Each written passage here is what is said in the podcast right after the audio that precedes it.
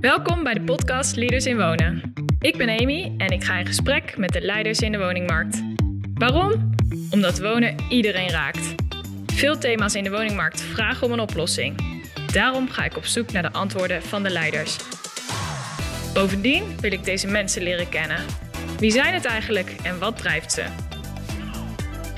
Deze podcast wordt mede mogelijk gemaakt door NAG, Calcasa en Hiargus.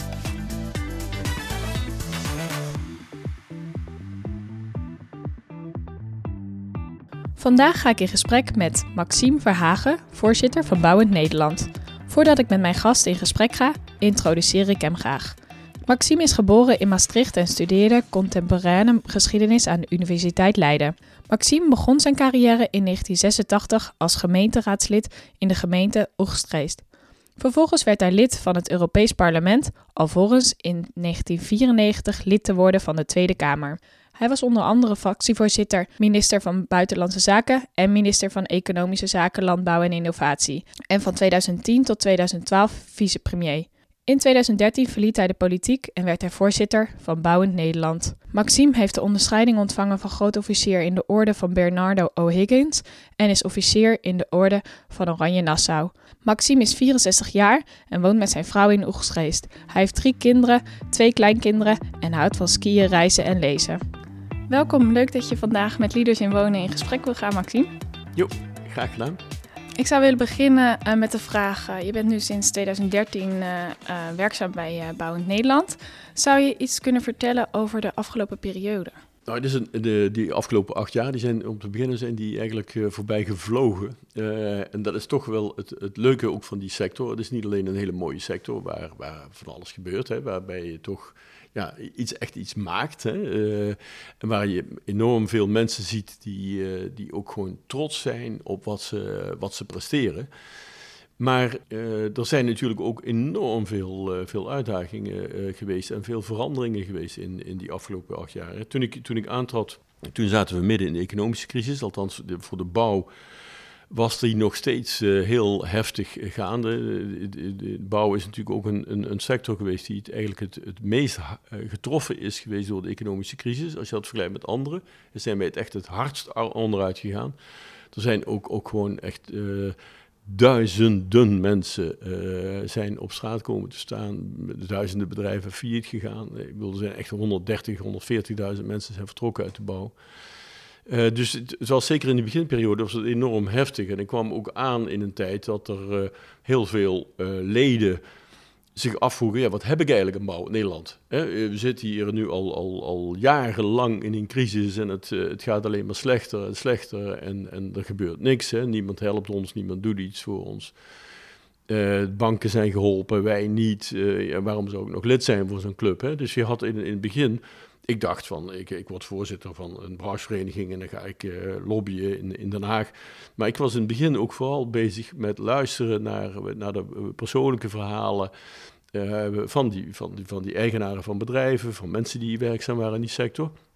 En merkte toen ook eigenlijk dat heel bouw in Nederland eigenlijk op de schop moest, moest veranderen. Het was enorm top-down georganiseerd. Uh, ik bedoel, in het kantoor in Zoetermeer verzonnen we wel wat goed was voor de bouw. Terwijl de mensen veel meer behoefte hadden om, om te horen, uh, ja, of om te zien waar, ze zelf uh, mee zaten hè, en daar, daar resultaat van te zien. Dus ik heb, ik heb in het begin, heb ik eigenlijk het eerste jaar, heb ik alleen maar eigenlijk veel, veel meer bij bedrijven ben ik langs gegaan, heb alleen maar geluisterd, uh, eigenlijk opgesnoven van wat willen jullie voor een vereniging hebben. En uh, toen heb ik de hele vereniging eigenlijk veranderd. Hè. Veel, meer uh, bottom-up in plaats van top-down. Uh, lobby voor die onderwerpen waar behoefte aan was vanuit de basis, vanuit de leden zelf. Dat er ook bij, bij CAO-onderhandelingen veel meer een structuur kwam waarbij er input kwam vanuit de leden. De belangenbehartiging niet alleen, maar ook met de brancheontwikkeling. Van, van, van welke, welke brancheontwikkelingsideeën hebben jullie? Waar, waar zouden we in moeten investeren? Wat voor type type organisatie wil je dan krijgen. Dus toen, uh, het eerste jaar ging daar eigenlijk vooral in op. En tegelijkertijd, of, of, eigenlijk daar aansluitend aan, ben ik wel ook natuurlijk gaan lobbyen in, in, in het Haagse. Om te kijken of er toch niet meer steun voor die sector kon komen. Uh, en toen richtte zich dat vooral op uh, zorgen dat er weer uh, gebouwd wordt. Hoe maak je bouwen aantrekkelijk in Nederland? maar ook hoe zorg je dat er weer werk komt? En toen hebben we dus ook twee jaar lang een laag btw-tarief voor verduurzaming gehad. En de, met name MKB-bedrijven hebben daar enorm veel profijt van gehad. Echt, hebben echt talloze bedrijven hebben, hebben toen daardoor werk gekregen. Ehm, wat ze anders niet zouden hebben gekregen. En uh, dat heeft echt duizenden arbeidsplaatsen weer gescheeld. En ehm, nou ja, goed. Uh, daarna zijn we natuurlijk veel meer gaan kijken van jongens, hoe gaan we om met de verduurzamingsopgave? Uh, wat hebben we daarvoor nodig aan brancheontwikkeling? Wat voor instrumenten moeten, moeten de bedrijven daarvoor hebben? Dus zit je weer meer op die brancheontwikkeling te kijken, maar ook tegelijkertijd te zorgen dat bij de plannen die de regering gaat ontwikkelen, voor wat betreft die verduurzaming zoveel rekening, mogelijk rekening gehouden wordt met onze wensen. En bijvoorbeeld isolatie, eh, dat, dat was in het begin een thema wat helemaal niet leefde. Iedereen had het over duurzaam opwekken, zonnepanelen uh, enzovoort, enzovoort. Maar alles wat je bespaart, uh, ja, dat hoef je ook niet op te wekken. Dus die hele isolatie, dat, dat onderwerp hebben we natuurlijk ja, toch behoorlijk wat aan moeten trekken, omdat ook in een, in een klimaatakkoord voldoende aandacht te krijgen. Uh, maar daarna ook weer met uh, de, de bouwagenda, dus de samenwerking ook vanuit de ministeries uh, van Binnenlandse Zaken, Infrastructuur, Economische Zaken en, en Bouw in Nederland hebben we heel veel aandacht gericht op van hoe zorgen we dat die maatschappelijke uitdagingen, die maatschappelijke problemen uh, van, van klimaatverandering, energietransitie, circulaire, dus de schaarste aan grondstoffen, hoe we daarmee uh, om zullen gaan. En, en nu het laatste jaar, ja, eh, handen vol gehad weer aan, uh, aan corona. En zorgen dat we konden doorwerken. En dat was, het was eigenlijk, um, kijk, in het begin kwam de aankondiging, er komt een, een lockdown en iedere bijeenkomst van meer dan van drie mensen is, is verboden. Dus toen heb ik vooral zitten lobbyen dat we door konden werken. Dat een bouwplaats niet gezien werd als een, een samenkomst van meer dan drie mensen. Je hebt, iedere bouwplaats heb je, heb je meer dan drie mensen. Toen moesten we uh, zorgen dat we samen met de vakbonden en andere uh, spelers in de sector en het RIVM een protocol maakten hoe je ging werken. Nou ja, en eigenlijk bij iedere persconferentie moest je weer lobbyen om te zorgen dat het, hè, bijvoorbeeld een avondklok, ja, uh, bouwvakkers die komen van heinde en her, dus die rijden ook veel vroeger dan, dan uh, die avondklok zou stoppen. En uh, in de infra werk je weer ook vaak s'nachts. Dus moest geregeld worden dat we een, een, vrijstelling zouden krijgen. Nou, allemaal dat soort zaken. Dus het is variërend van hoe ga ik om met de vereniging zelf, tot en met onderwerpen als dit. Dus het is, het is heel afwisselend geweest. Maar een, eigenlijk geen dag uh, vervelend. Het is een hele mooie sector en een hele leuke sector om voor te werken. Dus ik, ja, ik, ik ga eigenlijk iedere dag, ja, tegenwoordig niet fluiten naar mijn werk. Ik blijf thuis, maar uh, ik, ik doe mijn werk iedere dag met plezier. En um, je hebt natuurlijk uh, veel ervaring die je mee hebt genomen vanuit de politiek. Ja, hoe krijg je mensen mee? En dan eigenlijk de politiek in dit geval en je leden. Ja, het, het, klinkt simpel, het is niet altijd simpel, maar eigenlijk krijg je mensen mee door goed naar hun te luisteren. Als je weet wat die ander wil, dan kun je ook bereiken wat je zelf wil. En dat is in, de, in uh, zeg maar, het gewone leven niet anders dan, dan in de politiek. Eh, ik begon met uh, een van die voorbeelden van, van een succesvolle lobby, van het punt van die, dat laag B2-tarief voor verduurzaming bijvoorbeeld dat was, er werd geen enkele sector, behalve die banken in het begin, werd uh, in die crisis ondersteund. Hè. De, de, nou ja, dan zit je toch te kijken van, nou, wat hebben ze nodig? Ik wist dat de, de PvdA en de, en, en de VVD, die dus samen de regering vormden, dat die geen meerderheid hadden in de Eerste Kamer. Dus ze hadden in ieder geval een andere partij nodig. Het CDA dat was, uh, was niet uh, relevant voor, voor zo'n begroting, want die weigerde om daaraan steun te geven. Die, die, zaten echt in de oppositie. Maar een partij als D66 was, was constructiever en die zat op dat moment ook te kijken van nou welke onderdelen gaan we steunen en wat willen we daarvoor terug. Dus toen ben ik met Pechtold gaan praten van wat, wat heb jij nodig? Hè? waar ga jij je steun aan geven? Toen zei hij van, nou ja, eh, het belangrijkste in deze crisis is, is werkgelegenheid. Dus uh, wat de meeste banen oplevert, dat steun ik. Nou, Economisch Instituut voor de Bouw kon aantonen dat met een laag B2-tarief er minimaal 3000 en waarschijnlijk 5000 banen eh, gered konden worden. Dus dat kon ik hem ook aantonen door een onafhankelijk instituut ja, voor hem was dus werkgelegenheid belangrijker. Niet zozeer om de bouw te steunen, maar om uh, iets te steunen waar werkgelegenheid uit voortgroeide. Nou, dit kon ik echt één op één en zwart op wit aantonen dat dat het geval was. Dus ik kon hem aanbieden wat hij wilde hebben om mij mijn zin te geven. En, en zo werkt het eigenlijk bij, bij al die dingen. Bij een vereniging ook van waarom zou iemand lid zijn? van Bouwend uh, Nederland, is dat hij er zelf profijt van heeft. Hè? Op het moment dat wij nu als brancheorganisatie ervoor kunnen zorgen dat gedurende corona, terwijl tal van sectoren uh, ja, gesloten zijn of, of niet mogen doorwerken. Als ik kan uh, bewerkstelligen dat wij wel kunnen doorwerken, ja, dan heeft het nut om lid te zijn van een organisatie als Bouw in Nederland. En tegelijkertijd weten ze ook dat als ik onvoldoende hoe, hoeveelheid leden vertegenwoordig, ja, dan, dan ben ik geen gesprekspartner. Hè? Maar Juist, want uh, vanuit de overheid weten ze weer wel, op het moment dat ze met onze afspraken maken, kunnen we ook zorgen dat zo'n protocol en de manier van werken uh, ook dusdanig plaatsvindt dat we geen gevaar voor de volksgezondheid opleveren. Nog voor de werknemers, nog voor de samenleving. Dus je moet altijd kijken van waar zit voor de ander er iets in. Want anders krijg je nooit, nooit je zin. Dus hoe, hoe overtuig je mensen of hoeveel krijg je mensen mee? vooral naar hun te luisteren. En wat heeft de ander nodig? En hoe staat het er nu voor met de Nederlandse bouwsector?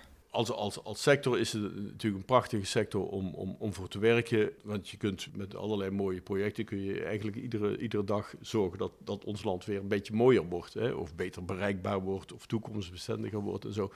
Dus het is op zich een hele, hele mooie sector. Tegelijkertijd zijn ook de, uh, de vooruitzichten zijn eigenlijk heel positief want, want als, je, als, dat coronavirus, als dat nou achter ons uh, ligt of, of, meer wordt teruggedrongen, uh, en de maatregelen wat worden afgebouwd, dus de economie zich wat gaat, gaat herstellen, dan, uh, dan zal natuurlijk ook, ook de bouw een enorme extra impuls weer gaan krijgen. Want, hè, want de vraag uh, is enorm. Uh, aantal woningen, aantal werken op het punt van infrastructuur, et cetera. Dus de verduurzamingsopgave. Dus als je kijkt naar de vraag, gigantisch.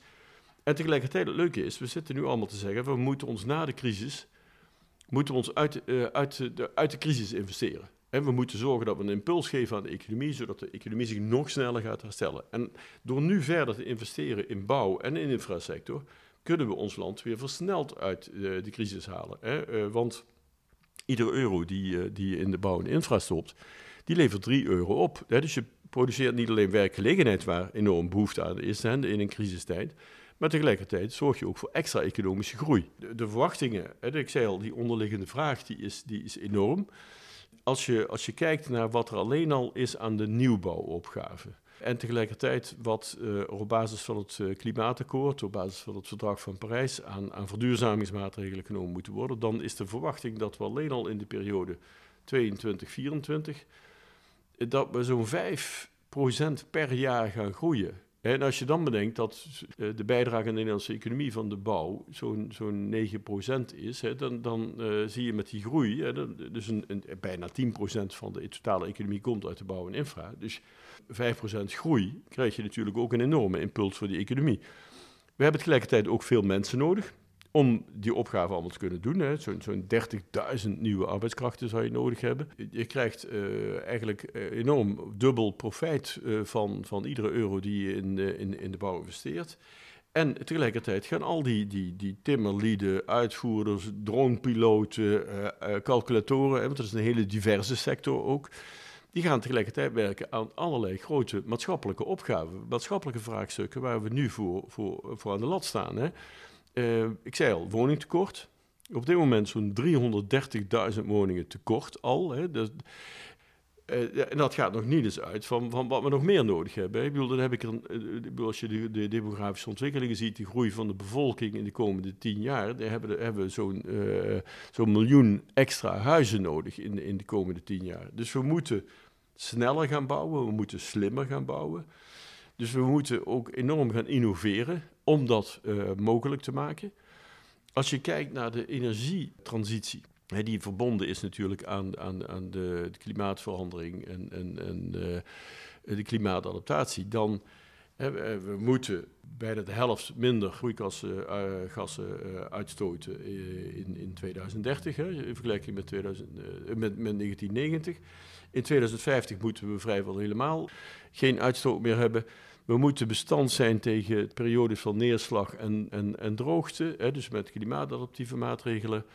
Uh, dat vraagt ook enorme investeringen. En niet alleen zul je dus die, die, energie duurzaam moeten opwekken, maar je moet ook de hele in, energieinfrastructuur moet je daaraan aanpassen. Want op dit moment zie je al dat dat bepaalde dat stroomnet eh, op, op hoogtijdagen het al, al niet meer aan kan. Hè? Ik bedoel, we hebben prachtige zonneweiden tegenwoordig. Nou, die, die, die, worden, die, die, die, stroom wordt niet geleverd op, juist op die hoogtijdagen, omdat het net op dit moment niet aan kan. Dus dat vraagt ook weer enorm veel aanpassingen en, en dus werk. En dan zie je ook nog eens dat de gewone infrastructuur, daar zie je nog dat er een enorme vervangings- en renovatieopgave de komende periode komt. Niet alleen voor wegen, maar ook voor bruggen en, en voor sluizen en voor, voor het spoor. Hè. We, als je alleen al bedenkt dat er echt een merendeel van onze bruggen uh, zo in de jaren 60, 70 gebouwd zijn, van de vorige eeuw, die zijn aan het eind van, van, hun, van hun levenstermijn. Hè. Dus tienduizenden bruggen en viaducten en sluizen,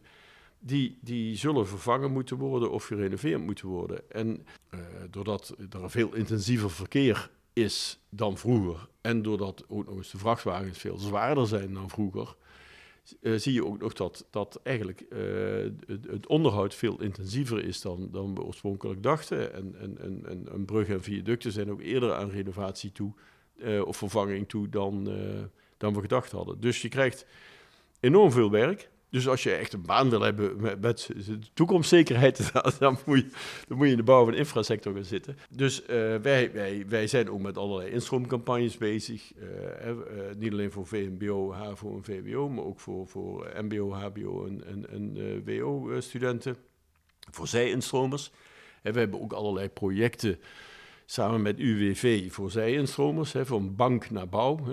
Je weet dat in de banksector er tal van, van banen zullen verdwijnen in de komende tijd. Tegelijkertijd hebben wij mensen nodig. Hè. Dus uh, ik, ik, zag ook laatst, uh, ik hoorde laatst ook weer van een accountmanager die zich liet uh, omscholen. en die gaat binnenkort als, als kopersbegeleider voor nieuwbouwwoningen aan de slag. maar ook een kok die, die nu in de corona niks te doen had en die... die stukken door is geworden. dus je ziet ook veel meer zij-instromers komen dan, uh, dan we vroeger, uh, vroeger zagen. En dat is eigenlijk alleen maar, uh, alleen maar leuk, want je krijgt daardoor ook een frissere kijk vanuit buiten op, op je eigen sector. Nou, een enorme opgave begrijp ik hieruit. Um, wat zijn nu echt de knelpunten? Nou, het aller, allergrootste knelpunt is stikstof. Echt, ik heb daar, ik heb daar, daar heb ik echt ja, uh, ik wou niet zeggen grijze haren van gekregen. Nou, het is echt, ik, dat, dat bezorgt me gewoon uh, ook gewoon wel een slapeloze nachten. In de zin van, ik denk van, ja, hoe komen we hier uit? En, ik, oh, en, en, en, en dat is op zich is het, is het niet eens, inhoudelijk nog niet eens zo moeilijk om dat stikstofprobleem op te lossen.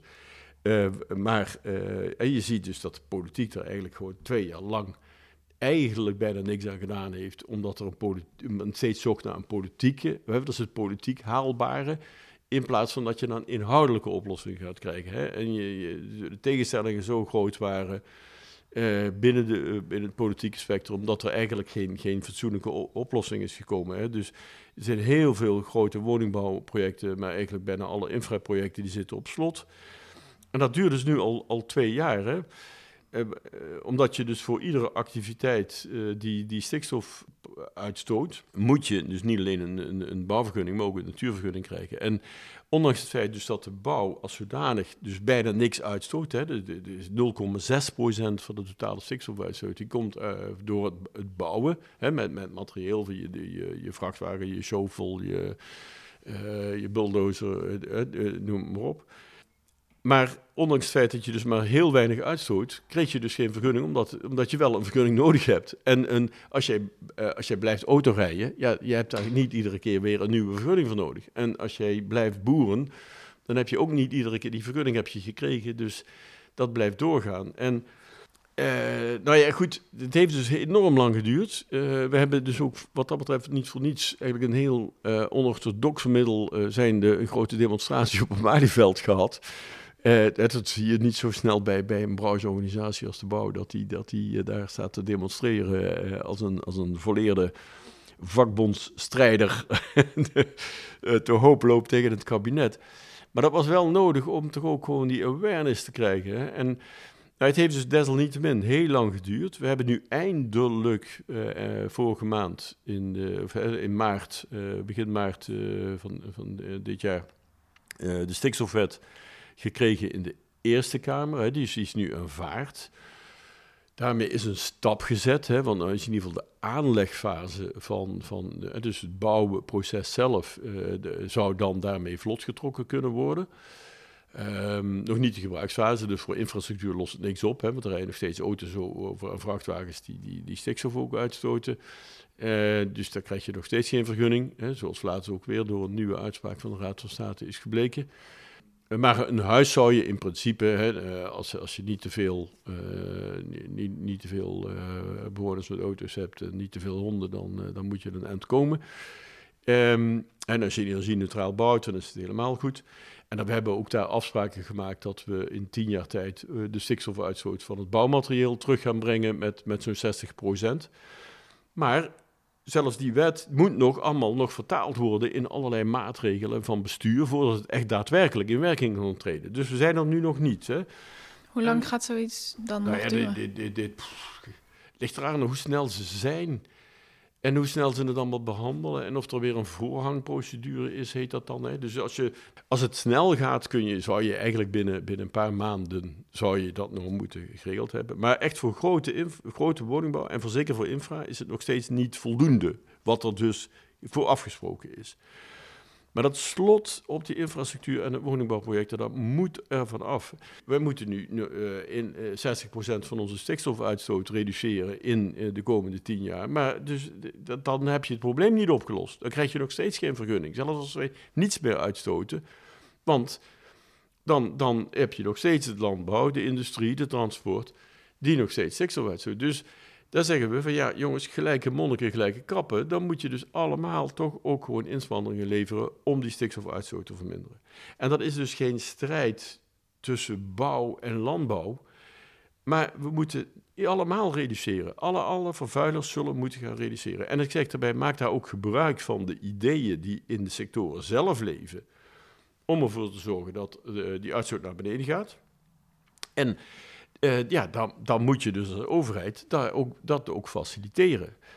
dus dus uh, goed, wij, wij, uh, ik, ik, ben zelf ook wel bezig om, om te kijken wat dat dan zou inhouden. Van hoe kun je komen tot stikstofuitstootreductie en natuurherstel. wij komen dus ook met ideeën voor, voor een volgend kabinet. maar uiteindelijk zal de politiek wel een besluit moeten nemen. En dat zal snel moeten komen, want anders dan, ja, dan lopen we gewoon vast in dit land, letterlijk en figuurlijk. En zijn er nog andere knelpunten of uitdagingen in de sector? Ja, nou, er zijn zeker uitdagingen. Kijk, uh, als, je, als je zegt een miljoen huizen in de komende tien jaar, hè, eh, dat is 100.000 huizen per jaar die er gebouwd moeten worden. Dat is heel ambitieus. Um, hè, dus als je, als je kijkt naar de afgelopen tien jaar, dan, dan, dan bouw je gemiddeld zo'n 55, 60.000 woningen uh, per jaar. Hè. Dus dat zal, dat zal dus fors omhoog moeten, 40% meer. Um, dus met het huidige tempo gaan we die doelstelling absoluut niet, uh, niet halen. Dus we zullen uh, moeten, mo moeten kijken van hoe kunnen we dit realiseren. want, want, je kunt moeilijk tegen die miljoen huishoudens die erbij komen zeggen, ja, ga maar op straat zitten hè, uh, of onder de brug slapen. Dat, dat ga, gaat dus niet, niet werken. Dus je moet het oplossen en het gaat op de huidige manier niet. Dus er zijn een aantal, um, aantal voorstellen of een aantal dingen, stappen die je echt moet zetten. We hebben met, met zo'n 34 partijen onder leiding van EDES, hè, dus de, de, de koepelorganisatie van de woningbouwcoöperaties, hebben we een actieagenda wonen gepresenteerd.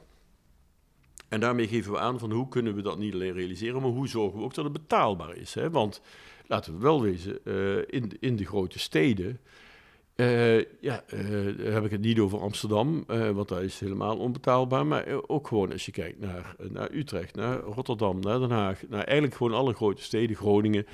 Dan zie je dat het bijna niet mogelijk is om een betaalbare woning te krijgen. Dus de, de, de middeninkomens, die, die, die komen gewoon nergens meer aan de bak.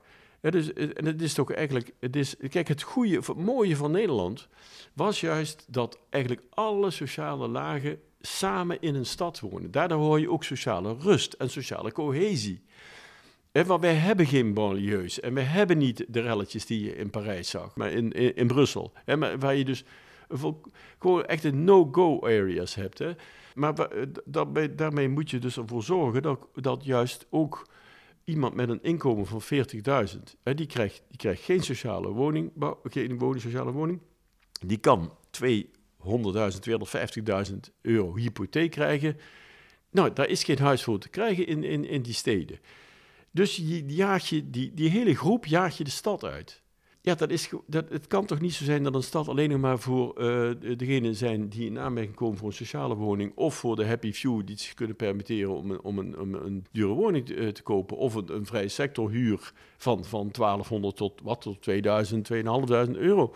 Uh, zich kan permitteren. Dat, dat is gewoon niet goed. Dus je moet ook betaalbare woning hebben. Nou, we hebben dus die, die actieagenda uh, gepresenteerd. Daar moet je een heleboel dingen doen. De verhuurdersheffing die zal afgeschaft moeten worden. Dan kunnen de woningbouwcorporaties ook weer meer uh, woningen bouwen. Dan kunnen ze weer meer sociale woningen bouwen. Op dit moment bouwen ze zo'n 14.000 woningen per jaar. Dat zal echt naar, naar gemiddeld 25.000 woningen moeten gaan. Um, dus dat betekent, wil je dat halen, dan zul je aan het eind van de kabinetsperiode moet je zo'n zo'n 30.000 woningen uh, door corporaties kunnen laten bouwen. Daarnaast zal die verhuurdersheffing ook nog eens afgeschaft moeten worden, willen coöperaties in staat zijn om de verduurzamingsopgave te doen. Hebben die hebben, er zijn 3, 4 miljoen huizen, uh, in totaal zijn er 7 miljoen gebouwen die nog verduurzaamd moeten worden, willen we de doelstellingen van, van Parijs halen. Maar er zijn 3, 4 miljoen van, vanuit de, coöperaties. Dus die hebben daar ook geld voor nodig om dat te kunnen doen. Dat is dus één, verhuurdersheffing afschaffen. Twee, er zal veel meer plantcapaciteit moet komen. Veel meer gepland moeten worden van waar ik bouw. Uh, je ziet dat er nu eigenlijk minder plannen zijn dan dat er behoefte is aan woningen. Maar zelfs als je evenveel plannen zou hebben als de vraag is naar woningen, dan nog ga je het niet halen. Want in de praktijk valt zo'n 30% af omdat uiteindelijk toch, we bouwen veel binnenstedelijk op dit moment, omdat het uiteindelijk toch uh, de, de, bezwaarmakers uh, gehonoreerd worden. Of het zo lang duurt dat op een gegeven moment die, die ontwikkelaar ook zegt, ja, zeg ik, uh, bekijk het. Ik heb hier bij eigen gemeente een, een, een, laatst een, een, een, voormalig voetbalveld waar, waar huizen gebouwd zijn, een voormalige sportvereniging die, die verplaatst is. Daar werden, zouden huizen gebouwd, bezwaarmakers. Dat heeft ja, uh, een paar jaar geduurd voordat uiteindelijk de Raad van State met bepaalde aanpassingen zei, dan is het akkoord. Maar goed, tussen, tussen het plan om te gaan bouwen en, en, en de daadwerkelijke realisatie zit soms vijf, zeven jaar. Hè? Dus dat, dan haken sommige mensen af. Of omdat het al door binnenstedelijk, uh, met sloop, met vervuilde grond, met noem maar op, extra duur is. Waardoor je de business case niet rondkrijgt. Dus in de praktijk zou je 130% moeten plannen, wil je 100% kunnen realiseren dan zal er absoluut ook buitenstedelijk gebouwd moeten worden. Als wij zeggen, zoals we nu zeggen vaak, het kan alleen maar binnenstedelijk, dan kunnen we nooit al die huizen bouwen. Los van het feit dat je ook binnenstedelijk zul veel meer groen moeten hebben en, en, en uh, wateropvang enzovoort, als je daar ook eens allemaal die huizen gaat doen. Dus uh, het is niet zo van, jongens, we, we kunnen alle, al die steden ook maar vol plempen, uh, want daarmee ontstaan weer andere problemen voor, qua leefbaarheid en qua klimaat. Dus ook, dus we zullen ook buitenstedelijk, als we het woningtekort op willen lossen, ontkomen we niet aan meer uh, buitenstedelijk uh, bouwen, ook in het, uh, in het groen. En um, als ik kijk naar onze, onze eigen sector, dan kom op het laatste punt, kom ik dadelijk nog op wat, wat moet kunnen om, om die plancapaciteit en al die plannen en die vergunningen werkelijk los te trekken. Nou, als ik naar onszelf nog kijk als bouw, willen we die miljoen huizen in de komende tijd bouwen. Uh, los even van het feit dat we extra arbeidskrachten nodig hebben, zullen we ook veel meer prefab, industrieel, uh, fabrieksmatig moeten gaan uh, bouwen. want anders hebben we nooit de mensen om dat allemaal te kunnen realiseren. En ook om de betaalbaarheid te kunnen doen. Hè. Dus je betaalbaarheid vraagt ook gewoon om meer prefab en meer industrieel bouwen. Om dat mogelijk te maken, overigens, dat industrieel bouwen, zul je ook wel eenduidig moeten zijn in de vraag die je, die je stelt. Ik zeg niet allemaal hetzelfde type woningen, maar je bouwbesluit moet, moet leidend zijn voor waar een, welke eisen een huis moet gaan voldoen. Op het moment dat ik in iedere gemeente andere eisen ga stellen bovenop het bouwbesluit, ja, dan, dan kan ik ook weer niet industrieel bouwen. dus dan ga ik ook niet die massa maken. He, op het moment dat de ene zegt, ja, het bouwbesluit zegt wel als waar energie-neutraal, maar uh, ik wil dat jij hier uh, energieleverend gaat bouwen, dan gaat dat niet werken. Dus zorg dat je dezelfde regel, basisregels hebt, uh, eisen hebt, en leg die in het bouwbesluit. Die mogen best ambitieus zijn en best hoog zijn, maar zorg dat het eenduidig is. Want dan weet je waar je aan moet voldoen, welke normen je moet voldoen. En wil je overigens betaalbaar wonen? Hè? Op dit moment kun je in zo'n fabriek, ik weet dat wel van bedrijven die, die, die zo'n fabriek hebben, kun je een woning, kostprijs 165.000 euro kun je bouwen. Op het moment dat ik als gemeente dat nog eens 2 ton opleg, omdat de grond dan 2 ton gaat kopen, heb ik nog 365. Los ik het probleem van die betaalbare woning. Dus wil ik dat hebben, dan moet ik ook met mijn grondprijs moet ik iets doen. Het kan niet zo zijn dat ik zeg, ja, een woning mag maar 250.000 euro kosten en dan tegelijkertijd wel uh, 200.000 euro vragen voor de, voor de grond. Dat gaat niet werken. Tegelijkertijd zie ik ook wel het dilemma van veel gemeentes, dat die zeggen, ja, ik zit met de WMO, ik zit met de jeugdzorg, het kost, ik, krijg, ik krijg te weinig geld, uh, ik kan dat allemaal niet betalen. Ik moet wel de OZB omhoog gooien en de grondprijzen omhoog gooien, want anders dan krijg ik mijn begroting niet rond. Nou, zorg dus ook dat er voldoende budget is voor die gemeentes, zodat zij sociale woningen en middenhuur en middenkoop ook mogelijk kunnen maken. Want anders gaat het ook niet vliegen. En dan uh, tenslotte, wat wil je echt die 130% plancapaciteit en bestemmingsplannen hebben, waar je mag bouwen, ja, dan zal er meer regie moeten komen vanuit de landelijke minister voor, uh, voor wonen en, ruimtelijke ordening. Want je ziet dus nu gewoon dat die overheden, uh, de decentrale beslissers, dus provincie en gemeente, ja, dat die er vaak onderling niet uitkomen. En de minister, ja, die, die, die, die, uh, die, probeert het dan uh, wat te zeggen in zo'n woonagenda. Maar zij, Ollengren, die had dus die woonagenda, 75.000 woningen per jaar. Uh, maar Vereniging van Nederlandse Gemeenten en IPO ondertekende die zelfs niet in het begin. Hè, dus we werden daar allemaal uitgenodigd. Nederland tekende, NEPROM tekende, EDES tekende. Vereniging van Nederlandse Gemeenten, IPO betekende niet. En je ziet dus nu vaak dat een gemeente zegt: Ik wil hier bouwen, mag het niet van de, van de provincie. Of andersom, de provincie zegt: Jullie moeten daar bouwen. En dan zegt de gemeente: Ja, daar heb ik helemaal geen interesse in. maar ze zijn ook niet het probleemeigenaar van een landelijk probleem. Het woningnood is een landelijk probleem. Het staat in de grondwet dat de, de, de, het wonen een zorg is van de landelijke overheid. Een zorg, de landelijke overheid heeft die zorgplicht. Maar de gemeente X heeft niet het ja, ja, goed, die bouwen. Kijk, die kunnen bouwen als ze het interessant vinden om, om, om meer inkomsten te hebben. Um, maar voor hun eigen bewoners, ja, dit is die er buiten zit, die die, die woning wil hebben. En dus, eh, dus ik zeg stop met vingerwijzen. Kijk nou eens even, geef die minister werkelijk bevoegdheden. Niet alleen maar regie, maar dat hij ook kan dwingen, afdwingen waar er gebouwd moet worden. Als ik wil best die decentrale overheden een kans geven. Maar als die er niet uitkomen, dan moet die minister gewoon kunnen zeggen: jongens, er daar wordt gebouwd. Jullie hebben die doelstelling van dit jaar niet. Ik heb 100.000, ik heb nu uh, zoveel vergunningen, 70.000. Dus ik ga op 30.000 ga ik aanwijzen als minister.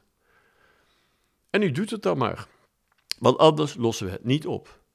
Alphen wil hier bouwen, provincie Zuid-Holland zegt nee. Uh, Schagen wil bouwen, provincie Noord-Holland zegt nee. Het, dus, en dan wordt er soms met veel vijven en zessen en met een woondeal enzovoorts wordt de zaak weer wat losgetrokken. Maar dan zijn we weer, weer twee jaar verder. Dus ik, eh, ja, willen we het kunnen doen? Hè? Dat betekent dat wij zelf anders moeten bouwen, efficiënter, sneller. Maar het betekent ook dat er uh, ja, op het punten van, van uh, besluitvaardigheid, van plancapaciteit, van regie, hè, dus van ook buitenstedelijk wonen, andere keuzes gemaakt moeten worden dan nu. En schaf die verhuurdersheffing af in ruil voor meer woningen en voor verduurzaming van bestaande woningbezit. En in hoeverre is deze boodschap geland? Nou, als je, als je kijkt um, naar de verkiezingsprogramma's, dan, dan is die boodschap wel degelijk geland. Hè? Ik bedoel, heel, bijna alle partijen hebben wel staan dat er een miljoen huizen moeten bijkomen. Bijna iedereen praat weer over een minister voor, voor volkshuisvesting. Uh, nou, al dan niet met, met, met ordening erbij. En de ene praat over minister van, van wonen en de andere over voor wonen. Kijk, het verschil van van en voor is, als je minister van bent, dan heb je een eigen ministerie.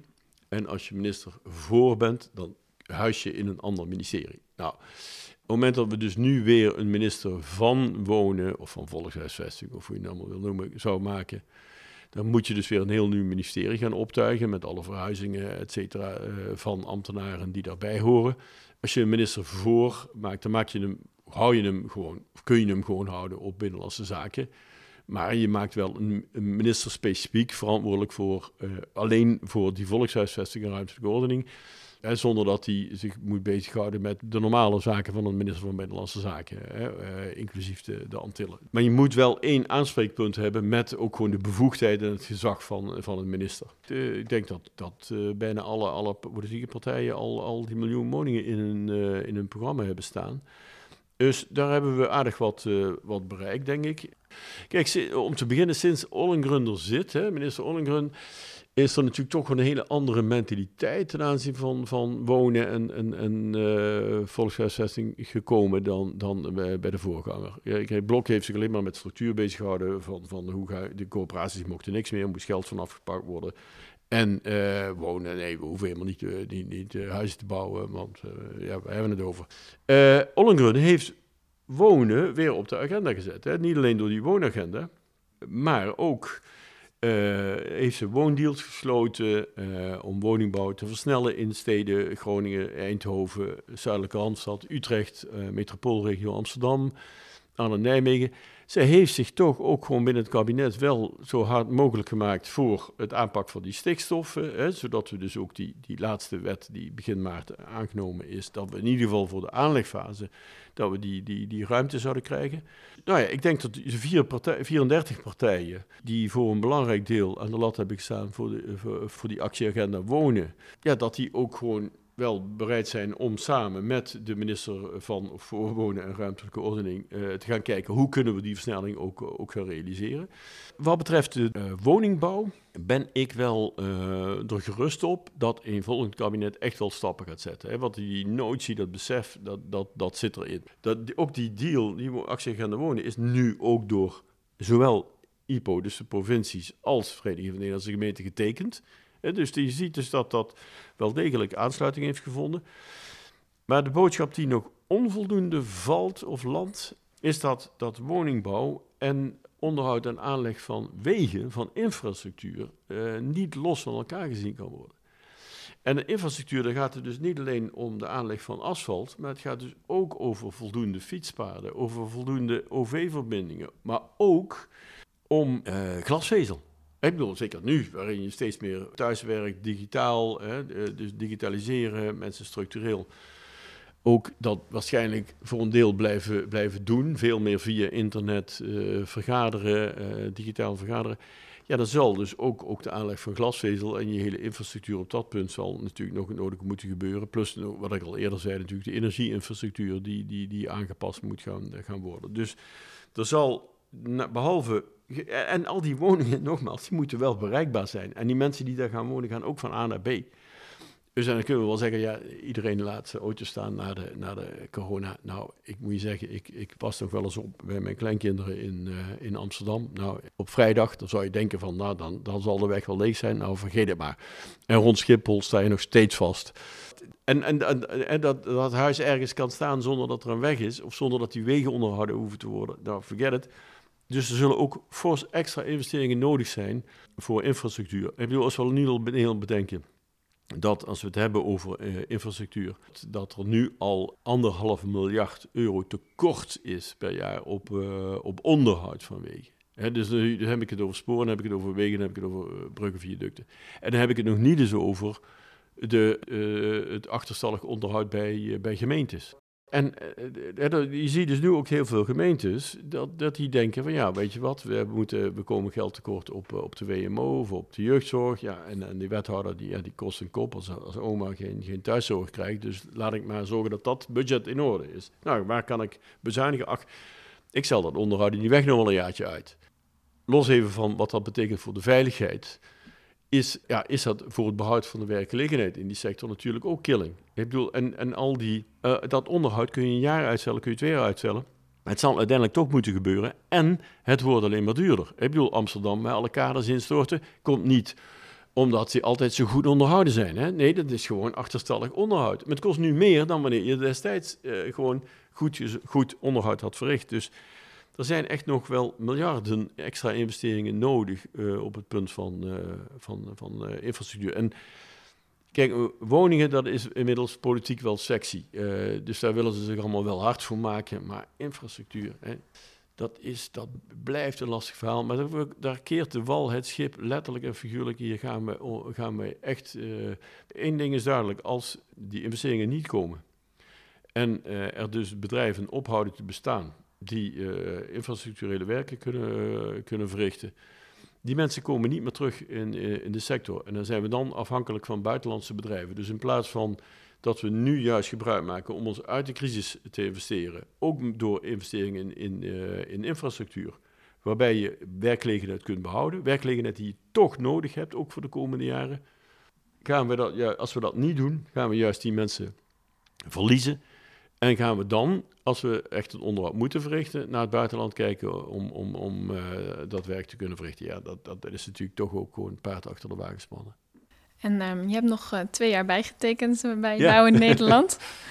Wanneer ben je tevreden als je straks afscheid neemt? Nou, op de beginnen zal die stikstofcrisis opgelost moeten worden. opgelost moeten zijn. En ik hoop lang voordat ik, dat ik vertrek. Ik zou me toch, toch echt schamen als dat niet, als dat niet opgelost is bij mijn vertrek. Althans, in ieder geval pakket aan maatregelen er ligt wat moet gaan gebeuren. Hè. we, we, we zullen niet van de ene dag op de andere dag zonder stikstofuitstoot zitten en, en met een prachtig gestelde natuur. Dat, daar gaat wel wat tijd overheen. Maar wat er moet gebeuren, dat moet afgesproken zijn. dat moet er liggen. Uh, tweede wat ik, wat ik zou willen, is toch dat onze sector uh, dat die in staat is om door middel van innovatie uh, en efficiëntie inderdaad zo'n op, grote opgave als we hebben op het punt van woningbouw en op het punt van infrastructuur te kunnen verrichten. Hè? En ook te kunnen verrichten, niet alleen betaalbaar, maar ook met een fatsoenlijke marge voor de bedrijven. Ja, want eh, je moet toch uiteindelijk, je kunt allemaal wel onder de kostprijs gaan werken, maar dat, dat, is ook niet uh, duurzaam. Hè? Dus je, je, maar dat, dat vraagt ook nog wel wat aan, aan veranderingen, aan innovaties uh, binnen onze eigen sector. Ja, eigenlijk dat, dat als laatste zou ik toch ook willen dat in ieder geval ja, onze leden, dat die de, de instrumenten in handen hebben om in te kunnen spelen op die kansen en uitdagingen die we, die we hebben uh, in de komende periode. Want als we dat hebben, dan, dan kun je ook uh, zo, ja, een, een bloeiend bedrijfsleven krijgen. Hoe krijgen ze dat? we bestaan dus nu 125 jaar. En toen hebben we in dat kader daarvan dachten we van, nou, ja, we kunnen wel naar, naar het verleden gaan kijken. Maar het is ook veel leuker om eens even naar, naar voren te kijken, naar de toekomst te kijken. Hè. En we hebben toen met, met de argumentenfabriek en allerlei onderzoeken hebben we gekeken van bouwen en morgen. De bouw, uh, hoe gaat de bouw, hoe zou de wereld er in 2030 uit kunnen zien? Uh, en wat betekent dat dan voor de bouw- en infrasector? Dus kijk, je hebt, los van, van, van die uitdagingen van, van, van die, waar we nu mee te maken hebben, uh, coronacrisis, et cetera hebben we natuurlijk de komende jaren met enorm veel veranderingen te maken op het gebied van technologie, op het gebied van verduurzaming, op het gebied van urbanisatie, ook op het gebied van, van uh, schaarste aan grondstoffen. Hè. Wat betekent dat voor circulariteit, gebruik van materiaal, et cetera. Dus hebben we gekeken van nou, die veranderingen die er in de komende tien jaar zouden kunnen komen. Hè, want je kunt niet, niet voorspellen, maar je kunt wel bepaalde trends zien en, en ontwikkelingen zien. En welke, welke, uh, welke impact zou dat hebben op, uh, op de bouw? en op onze sector. We hebben dus toen een aantal scenario's ontwikkeld in een toekomstverkenning, 2030 nu bouwen en morgen. En dan hebben we gekeken van nou, ruimtelijke spreiding van transities, van functies. Wat, wat, wat zou dat kunnen betekenen? Gaan we alles in de Randstad concentreren of gaat het juist verspreid worden, bepaalde functies? Maar dan zo iedere keer twee tegengestelde uh, mogelijkheden. Als, maar wel een trend van wat, er gaat iets gebeuren met die spreiding van functies. Gaat dat uh, de ene kant op of de andere kant? De energietransitie en de energieinfrastructuur. De toekomst van werk. Uh, waarde van bouwen. Dat zijn dus wel toekomstbeelden. Niet een beschrijving van hoe het er werkelijk uit zal zien, maar, maar, maar mogelijke trends, prikkelende beschrijvingen van mogelijke toekomstige werkelijkheid, die kan verschillen. En wat, hoe zou je daarop op moeten inspelen? dus we agenderen die uitdagingen, we agenderen de kansen en we, we stimuleren juist uh, de leden om, om zich voor te bereiden op toekomstige ontwikkelingen. En dan gaan we over in gesprek samen met leden en stakeholders. Uh, hebben we een digitaal platform ontwikkeld om, om, om uh, dat aan te vullen. En, kijk, ik zou het op zich dus wel heel prettig vinden, op het moment dat dat, uh, dat, dat onze leden ook, ook klaarmaakt voor, uh, voor wat er op ons af gaat, uh, gaat komen. Mooi. Um, ik zou nog willen vragen, in wat voor soort omgeving ben je zelf opgegroeid? Nou, ik ben opgegroeid in Maastricht. En dat was ja, natuurlijk een buitengewoon, buitengewoon gezellige stad. ook een hele le leuke jeugd gehad het was ook een, een, een tijd van, van verandering. Um, als je bijvoorbeeld nu, uh, nu ziet, wij, ik, ik woonde uh, zeg maar in een wijk, uh, Sint-Pieter, tegen, tegen de, de, de landerijen aan. Het was, Sint-Pieter was vroeger natuurlijk ongetwijfeld een aparte gemeente geweest voordat het bij Maastricht kwam. Dus lag dus niet echt in het centrum, maar binnen, binnen, binnen vijf minuten zat je in het boerenveld. Hè. Uh, tegelijkertijd had je dan, je dan in het centrum, uh, als je ziet over ontwikkelingen, uh, waar, waar dan de bouw haar, haar, steentje aan bijdraagt, wat een enorme impact heeft. We hadden dus bijvoorbeeld het Stokstraatkwartier, wat nu een van de duurste winkelstraten in, in Nederland is. Hè, met prachtige zaken, hele luxe, luxe winkels. Dat was gewoon een hoerenbuurt. Dat was echt volkomen verpauperd. en dus dat is, in plaats van een, echt een achterstandsdeel, is dat nu een van de chicste, uh, chicste delen van, van de stad geworden. Het Vrijthof, waar, waar massa's toeristen op de terrassa zitten, prachtig plein. Dat stond vol met auto's. Daar zit een parkeergarage onder in die tijd gekomen. Hè? Maar en is natuurlijk het was, was een hartstikke leuke stad, maar uh, het was uh, ja, niet te vergelijken met wat je nu ziet. Maar dan zie je dus hoe de bouw en, en, en, en renovatie uh, en andere inrichting, wat dat voor een, wat voor een enorme impact dat heeft op een, op een stad. Hè? Ik bedoel, het is toch ik, ik blijf het een, een, hele mooie stad vinden. Je, ik, ben, ik heb een ongelofelijke jeugd gehad, leuke jeugd gehad in, in Maastricht. Uh, blijft het nog steeds een hele mooie stad vinden waar ik, waar ik met alle plezier naar, uh, naartoe ga. Maar uh, in plaats van eigenlijk een semi-dorpskarakter is het allemaal natuurlijk toch gewoon heel stedelijk geworden. En in wezen, ja, heel Nederland is een stad tegenwoordig. En welke normen en waarden heb je vanuit huis meegekregen? Um, nou, het was een redelijk traditioneel katholiek uh, gezin. Uh, waarbij uh, toen ik eindexamen deed, uh, inmiddels het Tweede Vaticaans Concilie was geweest en naartoe geleid was dat, dat de priesters inmiddels vertrokken waren van de school en, en, en meisjes waren toegelaten tot de school. Dus ja, je, ik kreeg wel, wel die normen en waarden mee van, vanuit huis, vanuit, de, vanuit ja, dat, dat geloof van hoe ga je om met elkaar. Maar, maar toch ook van, je, je zet je wel in voor de, voor de samenleving. Mijn vader die, die, die was, uh, uh, een deel van zijn, van zijn werkzame leven was hij was die directeur bij een, bij een uh, projectontwikkelingsbureau. maar zat ook in de gemeenteraad. was bij, actief bij de Harmonie, bij, bij de Sportfonds, voor Sportstichting, ja, noem het maar, maar op ook dus meegekregen van je zet je in voor de samenleving. Je doet dus ook allerlei maatschappelijke zaken. Uh, je, kijkt, je kijkt om, om, om je heen en, en je doet iets voor, voor je samenleving. Je zorgt dat het een prettige samenleving is. En, um, wat is de invloed van je opvoeding geweest op de keuzes die je hebt gemaakt?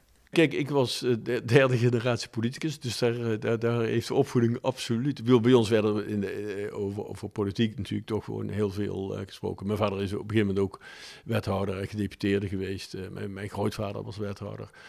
Dus die, zeg maar, de, de, de, de, interesse in, in, in, politiek en om daarmee vorm aan te geven, ook op die manier, ja, dat, dat, dat heeft natuurlijk een enorme impact gehad. Dat ik geschiedenis ging studeren, hing onder andere samen met het feit dat ik, mijn, mijn grootvader uh, die heeft uh, in, uh, in, een aantal jaren in een concentratiekamp gezeten in de Tweede Wereldoorlog. En mijn vader zat ondergedoken in de, in de oorlog. En ik, ik was ja, toch gefascineerd door, door de gedachte van hoe kan het dat mensen elkaar dit aandoen? Hè? Te meer omdat wij, wij woonden dus in, ja, bij, uh, bij ons, we zaten vlakbij bij Duitsland. Hè, dus het is, er waren ook gewoon contacten met, met Duitsland. Dus ik, ik was, ja, toch, ik denk van, hoe, hoe kan het dat mensen elkaar dit aandoen? Hè? Dus ik ben geïnteresseerd geraakt in, oh, daarom heb ik ook contemporaine geschiedenis gestudeerd. Van hoe, hoe, komt, hoe ontstaat zoiets? Hoe kan het? En wat doe je om dat te voorkomen? Dus ik ben ook een hartgrondige Europeaan. Ik heb niet voor niets in het Europees Parlement gezeten, gewoon omdat ik het ook, ook gewoon van enorm belang vind om uh, juist door het middel van die samenwerking te zorgen dat je, dat je elkaar niet meer bestrijdt, maar, maar, uh, maar, maar kijkt hoe, hoe je gezamenlijk eigenlijk problemen kunt oplossen, in plaats van dat je denkt dat je een probleem oplost door de ander de kop in te slaan. Ja, in die zin heeft, dat, heeft, die, heeft, die, heeft die opvoeding en, en de plaats waar ik woonde wel degelijk uh, enorme invloed gehad op, op die keuzes die ik, die ik gemaakt heb. En uiteindelijk, ja, het feit dat mijn vader ook projectontwikkelaar was, geeft natuurlijk ook wel aan dat ik geïnteresseerd was in de bouwsector. en waar ben je het meest trots op tot nu toe in je loopbaan? Als minister van Buitenlandse Zaken uh, heb ik, weet ik 100% zeker, door mijn opstelling uh, ervoor gezorgd dat Mladic en Karadzic in, uh, uiteindelijk uitgeleverd werden en in de gevangenis kwamen. dat zijn de, de, toch de twee grote oorlogsmisdadigers op de Balkan. En ik weet zeker, als ik niet toen als minister van Buitenlandse Zaken tegen de zin in van, van, uh, van velen, inclusief uh, bijna al mijn collega-ministers, uh, mijn poot stijf gehouden had en een samenwerking met Servië geblokkeerd had, als ik dat niet gedaan had, dan waren ze nooit uitgeleverd geweest. En tegelijkertijd ook de toezegging dat als ze uitgeleverd zouden worden, dat ik voor de samenwerkingsovereenkomst zou zijn. Dus je moet dus ook weer wat geven in het vooruitzicht, want anders dan, uh, dan krijg je het niet. Ik denk als minister van Economische Zaken topsectorenbeleid, eigenlijk de samenwerking tussen bedrijfsleven, kennisinstellingen en overheid. Het triple helix samenwerking die we ook daar, daar, was de bouw niet bij uitgezonderd, maar die we nu in, in, in, in deze periode weer bij de woningagenda weer uh, toegepast hebben voor, voor de bouw ook. Hè. De samenwerking tussen technische universiteiten, de overheid, de drie ministeries, betrokken, die erbij betrokken zijn, plus de, de, de bouwondernemers ja, die, die uh, samenwerking, die toch ja, eigenlijk een, een revitalisatie is ook van overheidsbetrokkenheid bij, bij het bedrijfsleven, hè, wat, wat, wat toch een, een soort industriepolitiek werd. Ik denk dat daar ben ik ook wel trots op dat dat gebeurd is. En voor de bouw, ja, ik denk toch dat Bouw in Nederland weer een organisatie is geworden van en voor de leden. Daar, ben ik, ja, daar ben ik wel trots op. En dat we ook in deze tijd uh, als een van de weinige sectoren door kunnen werken. En wat streef je na in het werk dat je doet? Nou, ik ben uh, niet snel tevreden met wat, met wat ik zelf doe. Hè. Dus ik, ik, ik, ik zal. Uh, ik vind altijd dat je 110% moet leveren. Uh, dus ik, ik, ik, ik, lever, of ik ben absoluut niet iemand met een, van een zesje. Ik, in mijn studie moet ik toegeven, was dat wel eens het geval. maar uh, in mijn werkzame leven ben ik natuurlijk toch gewoon altijd iemand geweest die, die, die er vol voor, voor gaat. anders moet je het niet doen. En je moet als je iets doet, je krijgt er goed voor betaald, dan moet je het ook goed doen. Klaar. Zijn er specifieke personen of boeken die je geïnspireerd hebben? Uh, Willy Brandt vind ik een ongelooflijk uh, inspirerende eh, man. Daar heb ik veel uh, over gelezen. En Willy Brandt, ook, al is het een sociaaldemocraat, wat niet direct bij mijn politieke kleur zou, passen. Maar Willy Brandt, enorm knap wat die man, man gedaan heeft. Iedereen die, die, die geeft, of die heeft de eer van, van de Duitse hereniging aan, aan, aan Kool. En die heeft daar ook veel voor gedaan. Maar dat, dat überhaupt kon ontstaan, is, is dus door Willy Brandt. Willy Brandt, je moet je voorstellen, die, kwam, die trad aan in een tijd dat er eigenlijk van de Koude Oorlog, alles ten oosten van, van uh, de, de muur uh, werd gezien als vijandig en, en daar mocht je niks mee doen. Heeft hij gezegd van ja, willen wij ooit zeg maar, de, de geschiedenis kunnen, kunnen vergeven uh, en, en, en onszelf kunnen in de spiegel weer kunnen aankijken, dan zullen we toenadering moeten zorgen. Als wij willen dat het daar verandert, moeten we ook toenadering. Dus wandel door annering, oftewel verandering door toenadering dat is zo knap, want uh, in een tijd dat uh, eigenlijk, hier de Koude Oorlog, het woord zegt het al, uh, dat daar afwerend naar gekeken werd, zei hij van ja, we, moeten toenadering zoeken. Daardoor kon er op dat moment, voor het eerst konden, konden Duitsers konden, hun familieleden in het oosten en in het westen bezoeken. En daardoor, doordat, door die bepaalde openheid, konden anderen zien hoe het bij de ander was. En toen bleek het helemaal niet zo'n heilstaat in, in dat uh, oosten, te zijn. En wat je dus uiteindelijk bij de, bij de val van de Berlijnse muur zag, dat, er dus, dat mensen echt met hun voeten gestemd hebben. waarom gingen ze weg? Omdat inderdaad er het besef breed aanwezig was van dat het helemaal geen communistische heilstaat was. Dus die, die hele verandering was nooit ontstaan geweest. Of en mensen waren niet met hun voeten gaan lopen, eh, echt letterlijk en figuurlijk, als uh, ze niet geweten hadden dat het aan de andere kant veel mooier was. En veel beter kon. Dus die, die, ik ben ervan overtuigd dat die muur niet gevallen was als, als Willy Brandt er niet was geweest. En verder ben ik nog benieuwd, hoe heeft u altijd de werk en privé goed kunnen combineren? Eigenlijk Diepe niet. zucht. Eigenlijk niet. Nee, nee. nee, maar dat is, ja, dat is toch gewoon van, ja, in de politiek is dat bijna niet te doen. Um, toen ik gekozen werd in het Europees Parlement, toen was mijn vrouw huisarts en uh, de, onze twee oudste kinderen waren geboren. En, uh, de, uh, twee en, en, en net twee weken oud. dus toen mijn dochter twee weken oud was, toen vertrok ik naar Brussel. Um, nou, Nee, dat is niet ideaal. Na vijf jaar ging ik, uh, ging naar de Tweede Kamer. Nou kon, toen kon ik uh, mijn, mijn, mijn, mijn, kinderen naar, naar de school brengen. maar de, negen van de tien keer niet, nog steeds niet, niet bij het avondeten.